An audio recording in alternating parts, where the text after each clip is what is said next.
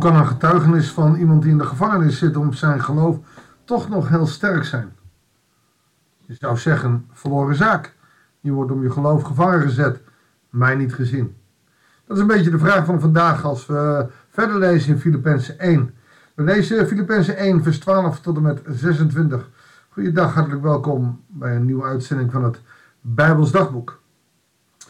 Vanaf vers 12. U moet weten, broeders en zusters, dat wat mij is overkomen er juist toe bijdraagt dat het evangelie wordt verspreid.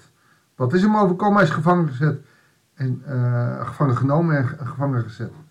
Het is iedereen in de Romeinse hoofdkwartier en alle anderen duidelijk geworden dat ik gevangen zit omwille van Christus. Hij zit dus in Rome en uh, gevangen door de Romeinen. En iedereen weet waarom hij gevangen zit. Niet omdat hij iemand vermoord heeft. Niet omdat hij gestolen heeft. Niet omdat hij tegen keizer Nero in uh, gedrang is. Nee, omdat hij Christus getuigt. Bovendien durven de meeste broeders en zusters, omdat ze door mijn gevangenschap vertrouwen in de Heer hebben gekregen, de boodschap nu nog onbevreesd te verkondigen. Dit is natuurlijk iets dubbels, want het kan je ook angst inboezemen.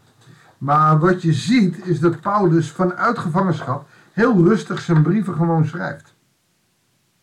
Hij bemoedigt ze. Ik zal je vertellen, ik heb uh, jarenlang geleden uh, heb ik uh, een brief gelezen van meneer Cho. Ik heb het wel eens eerder gezegd voor de trouwe luisteraar uit uh, de kampen in Korea. En hij vroeg daarin: bid niet dat het regime verandert en dat er vrijheid komt, maar bid om volharding. En feitelijk is dat wat Paulus hier zegt: volharding in het geloof. Dat raakte mij heel diep. Je zou geneigd zijn om voor de Kim Jong-uns die daar zijn, vragen of God ze wil vernietigen en dat de mensen bevrijd worden. Maar in die gevangenschap kunnen ze zo sterk getuigen. Ik denk dat, uh, nou, dat, dat, uh, dat je daar meer kracht kan doen dan wanneer je vrij bent. Kijk maar eens hier in Nederland gaan de kerken stromen leeg.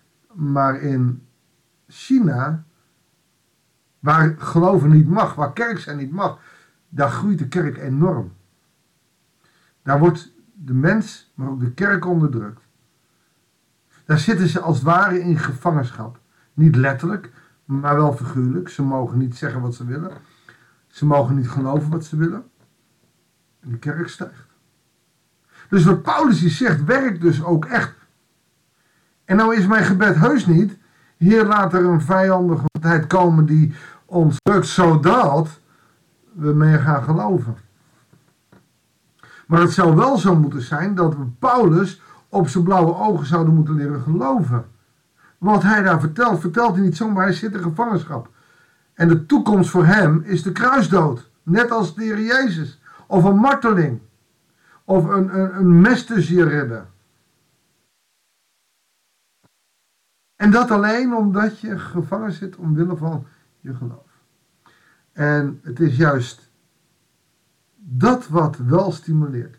Wij kunnen daar niet goed over nadenken. Waarom niet? Wij leven in vrijheid. Je mag kiezen of je naar de kerk gaat of niet. Je mag kiezen of je gelooft of niet. En niemand zal je oordelen. Wat? Het is zelfs makkelijker om niet te geloven dan wel. Want bij niet-gelovigen zit je bij de grote meerderheid. En bij gelovigen zit je bij een kleine minderheid. Goed. Uh, je ziet dus dat er een spanningsveld is. Maar dat vanuit de onderdrukking mensen eerder gaan getuigen. Immers ook makkelijk praten, voor mij. Ik zit hier op mijn studeerkamer, eh, er is geen vijand die loert, er is niemand die afluistert, dus ik kan gewoon over God praten en zijn grote naam verkondigen. Ik denk dat uh, het, het, bemoedigende zou zijn als een Nederlandse podcast uit uh, onderdrukt gebied zou komen. Of, en dat is mijn motivatie, dat ik door blijf gaan.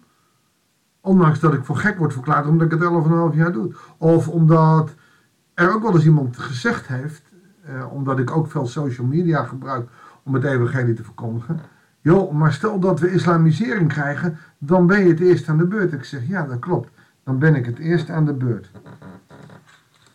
Maar dan versta ik de woorden van Jezus. Zalig zij die om mijn wil vervolgd worden. En dat is wat Paulus hier doet. En vanuit dat getuigenis ben je veel sterker. En ik ben niet stoer hoor. Ik zou geen onderdrukking willen hebben van een vijand. Zoals in de Tweede Wereldoorlog zou ik verschrikkelijk vinden. Maar het weerhoudt mij niet om nu niet te getuigen. Om neus niet op internet te laten staan.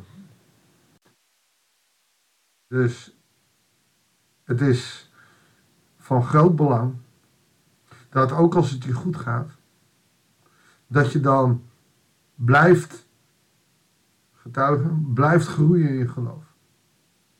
Als we in Lucas lezen, dan zegt Lucas ook, maar je hoeft jezelf niet te verdedigen, het is de geest die je verdedigt. Dat gebeurt ook bij Paulus. Dan krijgen we een, een ander gedeelte.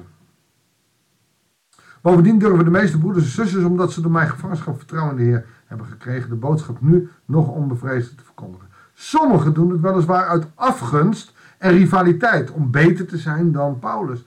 Maar anderen verkondigen Christus Jezus met een goede bedoeling. Ze zijn, doen het uit liefde, in het besef dat ik de taak van het evangelie verdedig. De eerste daartegen verkondigen Christus uit geldingsgedrang. Ik wil beter zijn dan Paulus. Ik wil de beste zijn, met onzuivere bedoelingen in de veronderstelling dat ze zo mijn gevangenschap verzwaren. En dan zegt Paulus, maar wat dan nog? Wat telt is dat Christus verkondigd wordt. Het maakt me niet uit hoe het gebeurt. Of het nou uit valse overtuiging is of uit letterlijke over, uit liefde. Als het maar verkondigd wordt. En dat heb ik moeten leren. Er zijn wel programma's in Nederland waarvan ik zeg, ja, moet je nou zo het geloof vertellen? En toch, wat maakt het ook uit als Christus Jezus maar verkondigd wordt? Dat is het belangrijkste. En dat dat gebeurt, dat verheugt me, zegt Paulus. En mijn vreugde is blijvend. Omdat ik weet dat dit alles door uw gebed en hulp van de geest van Jezus Christus tot mijn redding leidt. Oftewel, hij staat met de dood in de ogen. Maar hij weet dat hij gered zal zijn. Nu, maar ook straks.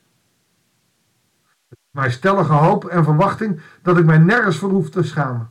Integendeel, ik zal net als altijd in alle openheid spreken, dus zelfs onder de Romeinen in gevangenschap, zodat Christus ook bij alles wat ik nu meemaak zal worden geëerd. Zelfs eh, in gevangenschap, in onderdrukking en martelaarschap mag God alle eer krijgen. Of ik nu in leven blijf of moet sterven. Want voor mij is leven Christus en sterven winst. Dus Christus kennen is leven en sterven is winst. Oftewel, als het maar in Christus is. Als ik blijf leven, kan ik vrucht mijn werk doen. Maar toch weet ik niet wat ik zou kiezen. Ik word naar twee kanten gedrokken. Enerzijds verlang ik ernaar te sterven en bij Christus te zijn, want dat is het allerbeste. Dus in de hemel zijn.